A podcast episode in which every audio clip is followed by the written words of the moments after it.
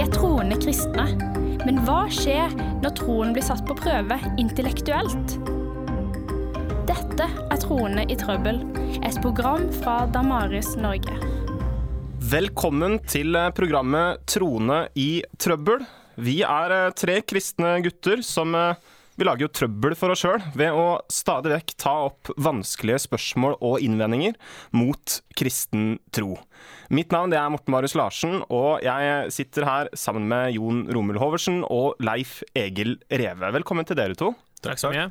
Hvem av dere har havna mest i trøbbel i det siste? Det tipper jeg nok at det er meg. Jeg må innrømme at uh, Det var det vi tenkte. jeg, jeg uh, snakka med, med dama i går, og, eh, og hun har gått til innkjøp av nye planter. Så Igjen. igjen, så nå har jeg gitt henne eh, plantenekt. Eh, og, og det blir fort trøbbel av sånn.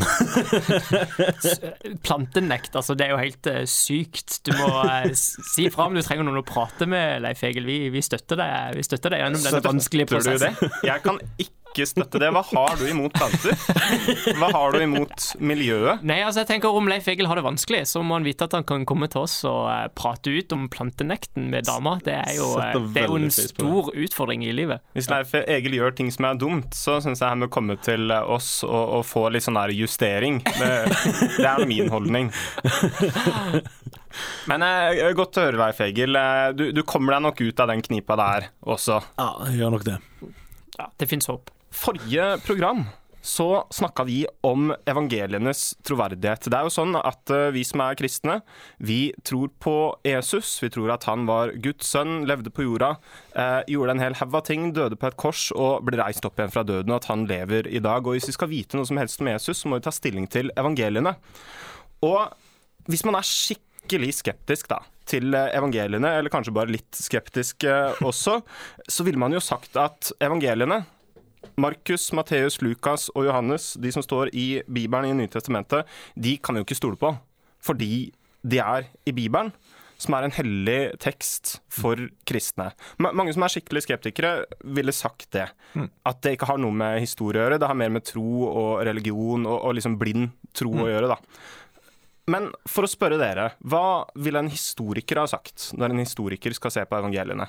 Ja, uh, nå er det sånn at eh, historikere generelt diskuterer uh, i hvert fall historikere der hvor det er relevant, bruker Bibelen som historiske tekster. Og da bruker de de som historiske tekster på likt nivå med andre historiske tekster, som Josefus og Tacitus og sånn, fra samme tid. Og, og det gjelder også på samme måte som også Koranen også er en historisk tekst. Eh, Så, så alle tekster er jo historiske på noen, er, eh, på noen måte. Noen beskriver en fiktiv ting, og andre beskriver historiske ting.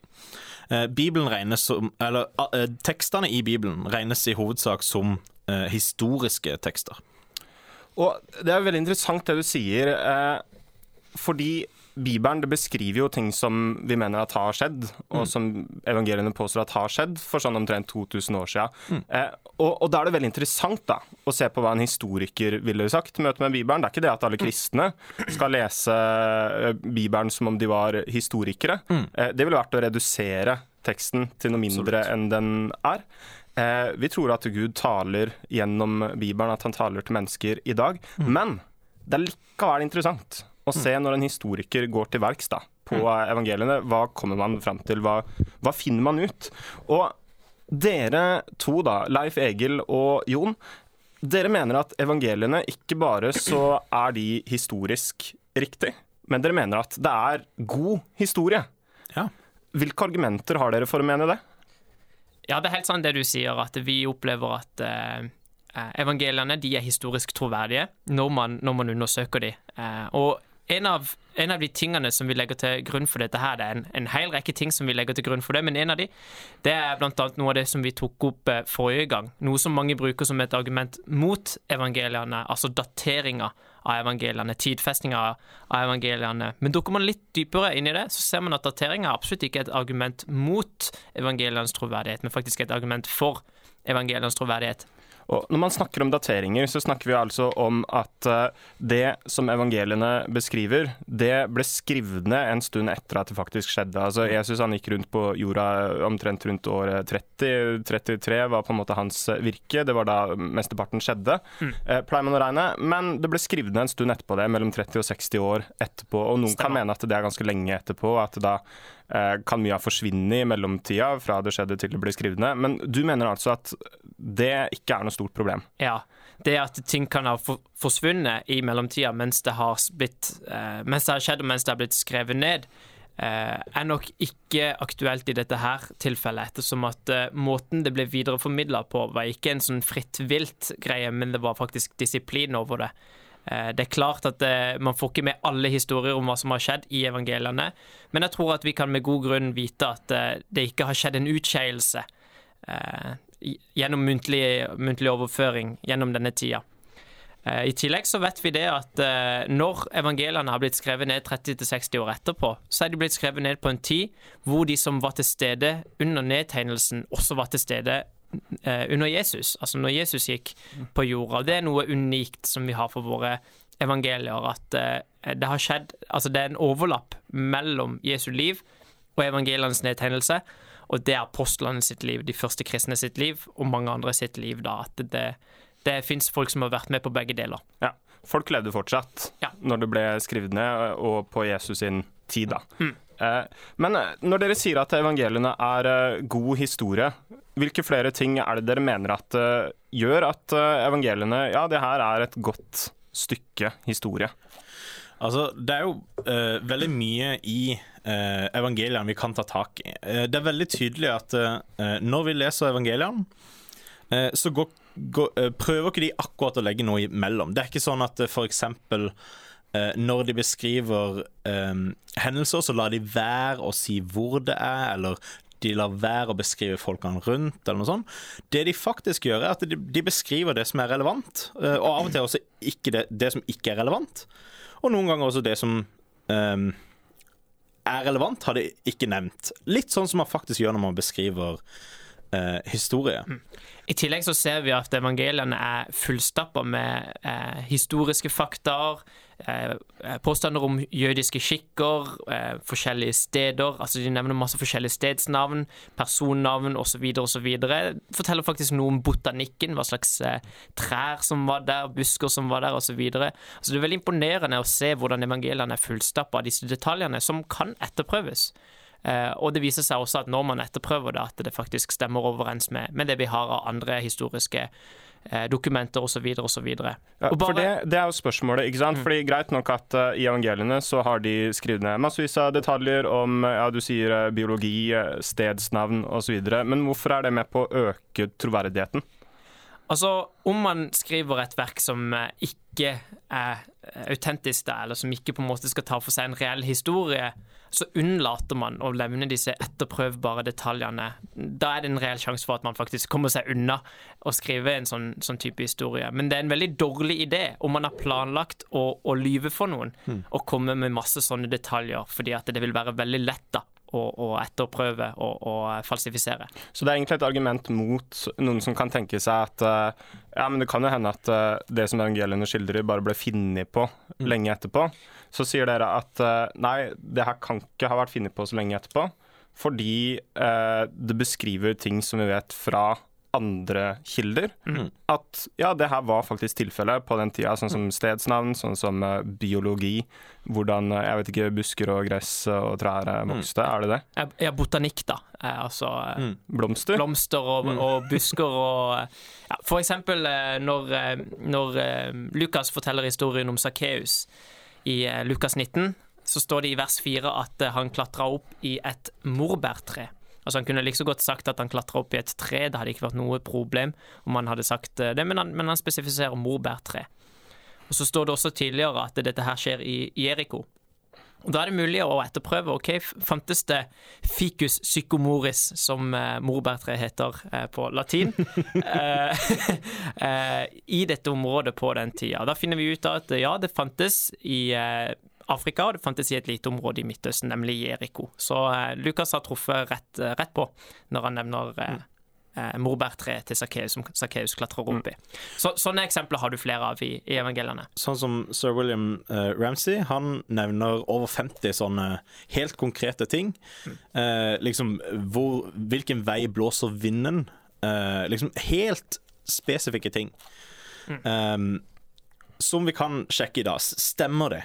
Er det virkelig sånn? Altså, eh, veldig mye av dette her er også ting som, vi, som jeg sier, vi kan, vi kan faktisk sjekke i dag. Eh, stemmer det at det er sånn at eh, vinden kommer fra den retninga? Ja. Er det sånn at du bør reise der på sommeren, som det står? Ja.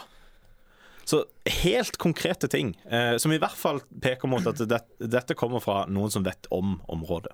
Og, og vi vet jo at Lukas ikke var i Jeriko når han skrev sitt evangelium. Så det at han liksom bare skulle ha vilt gjette seg fram til hvordan eh, blomstene og buskene var på den tida, det, det er ganske imponerende i så fall, om han har klart det. Det er som om du skulle Morten Marius, sette deg ned og fortelle litt om eh, botanikken i eh, Italia på 50-tallet, liksom. Kan godt hende at jeg vet masse om det. den er kanskje ganske lik på Den er kanskje ganske lik på, på vår, vår botanikk, Ja. men eh, Du hadde bomma. han hadde nok bomma. Jeg hadde nok ikke treffet på alt. Kanskje, kanskje noen andre hadde klart det, men Morten Maus hadde, Morten hadde bomma. Vi tar en uh, pause. Uh, nå har dere fortalt oss uh, veldig mye om at uh, evangeliene Ja, det her beskriver nok noe som faktisk skjedde på den tida. I hvert fall når det gjelder en del av de detaljene som nevnes. Vitner om at eh, de som skriver det her, de var til stede på den tida. De har ikke bare funnet det opp ganske mye seinere. Og det faktum at de nevner de- disse detaljene, er en veldig god peker mot at de er eh, troverdige. da. Her i eh, Trone i trøbbel så prater vi om evangelienes troverdighet.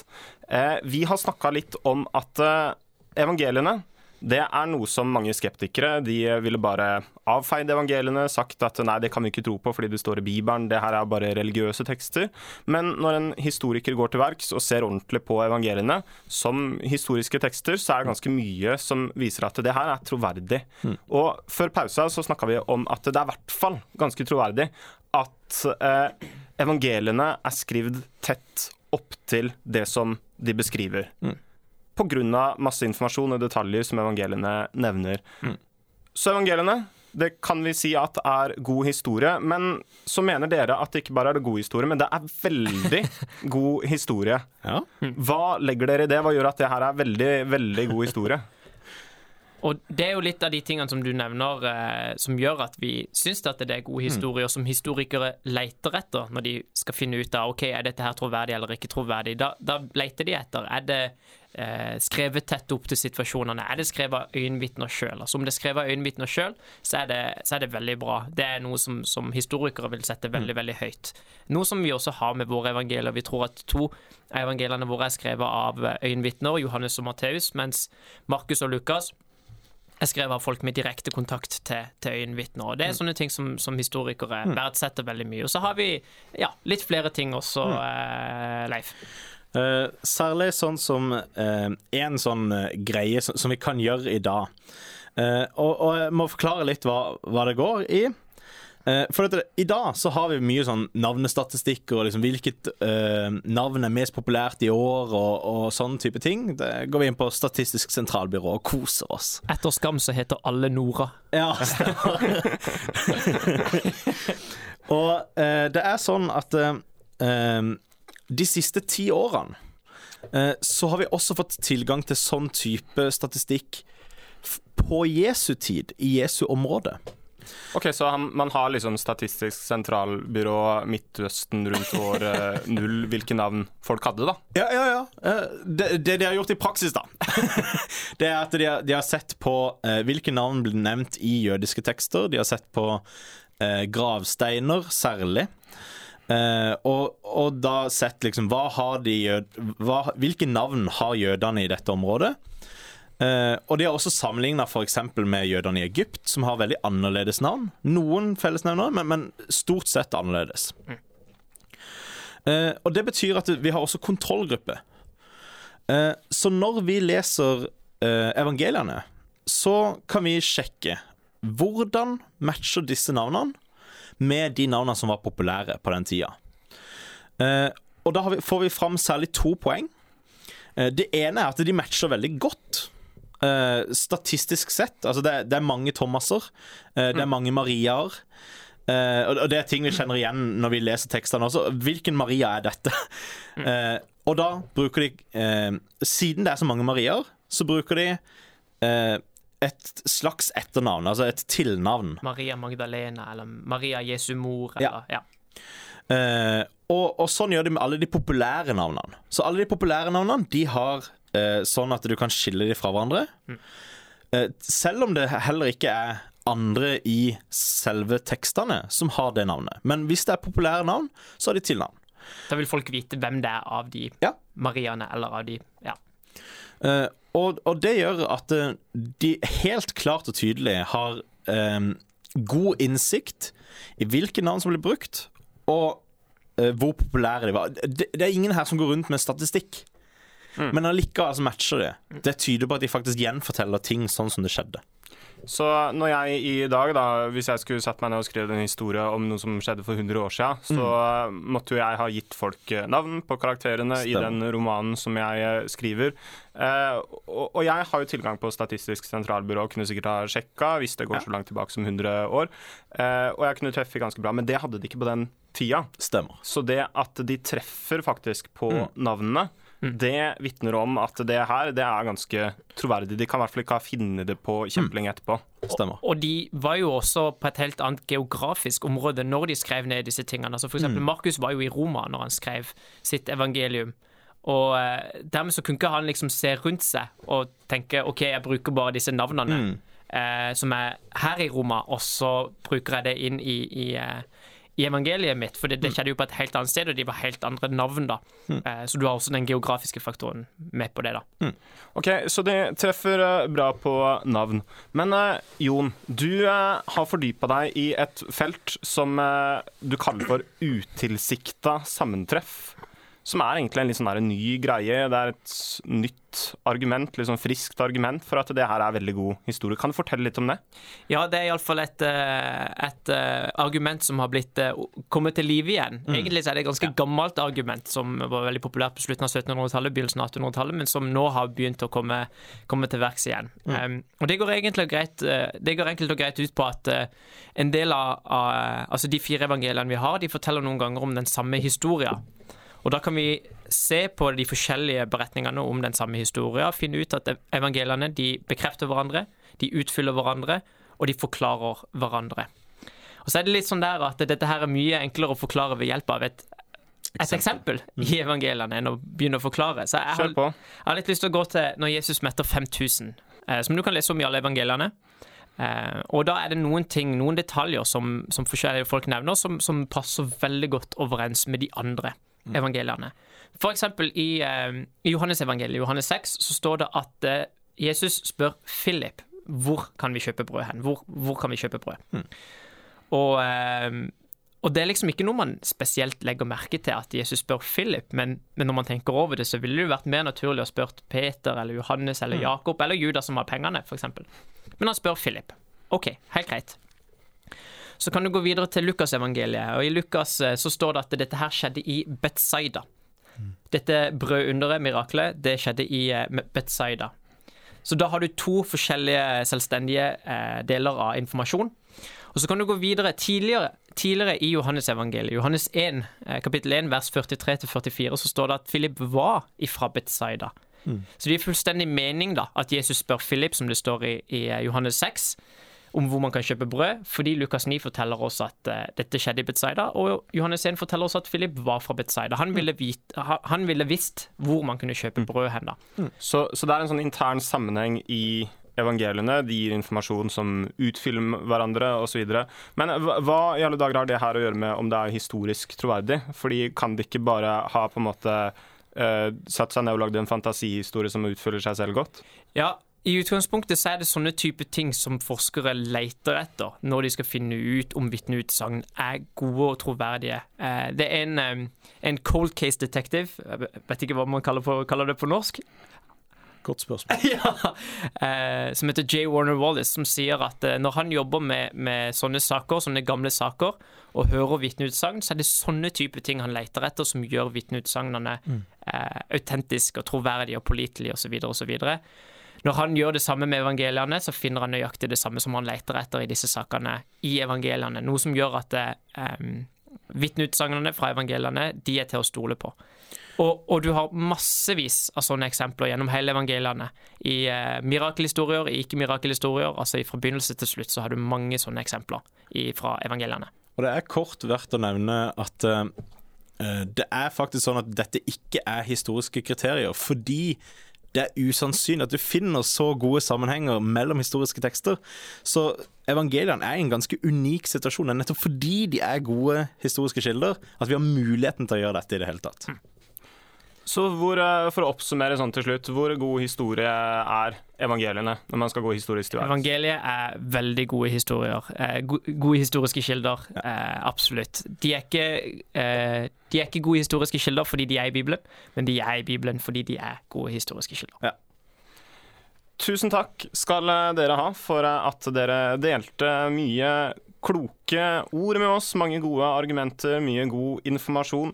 Eh, neste program så skal vi snakke mer om Jesus. Jesus han påstår sjøl at han var Gud. Åssen kan vi tro på det, at han faktisk var Gud? Eh, så tusen takk for at dere var med oss. Vi gleder oss til eh, neste program. Vi også. Takk, takk.